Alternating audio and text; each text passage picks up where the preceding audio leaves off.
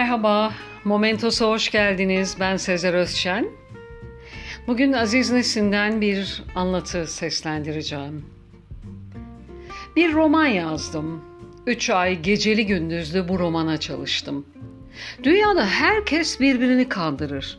Yazar kısmı da kendi kendini kandırır. Başkalarına söylemeye utansam bile kendi kendime söyleyebilirim. Roman çok güzel oldu. Gazetelerden birine götürdüm.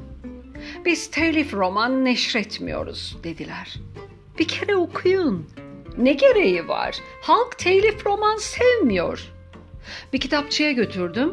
Daha bir romanım var der demez biz yalnız tercüme romanlar basıyoruz dedi. Başka birine götürdüm. O da tercüme varsa getirin telif roman satılmıyor dedi. Nereye gittimse hepsi birbirinin ağzına tükürmüş. Üç ay ha babam ha çalışıp büyük ümitlerle yazdığım roman kimse görmeden cami kapısına bırakılacak günah çocuğu gibi elimde kaldı. O zaman aklıma geldi.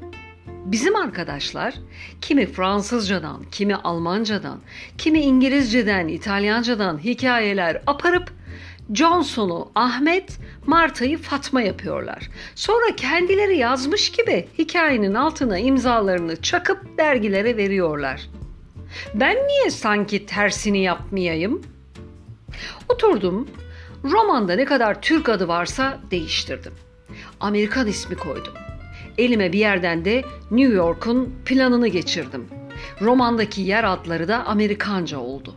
Şimdi sıra geldi romanın yazarına.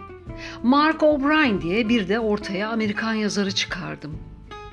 Yalnız çeviri roman yayımlıyoruz diye beni ters yüz eden gazeteye romanı götürdüm. Size Mark O'Brien'dan çevirdiğim bir roman getirdim dedim. Aa, çok güzel. Kim bu Mark O'Brien? Aa, bilmiyor musunuz? Ünlü Mark O'Brien yahu. Kitapları bütün dünya dillerine çevrildi. Romanı okuma gereği bile görmediler. Trink paraları sayıp aldılar. Yalnız bana e, yazarak ve eseri hakkında bir şeyler yaz dediler. Sarıldım kaleme.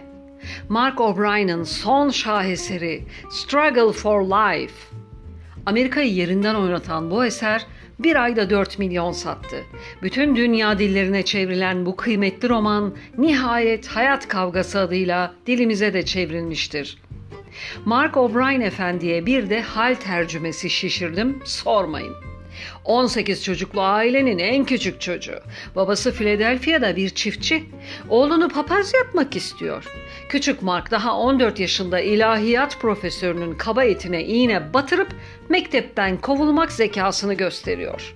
Tıpkı birçok ünlü Amerikan yazarının hayatı gibi. Balıkçılık yapıyor. Hep bildiğiniz hikaye. Derken 40 yaşında ilk hikayesini Let Us Kiss dergisine gönderiyor. Dili, üslubu o kadar bozuk, anlamsız, saçma ki.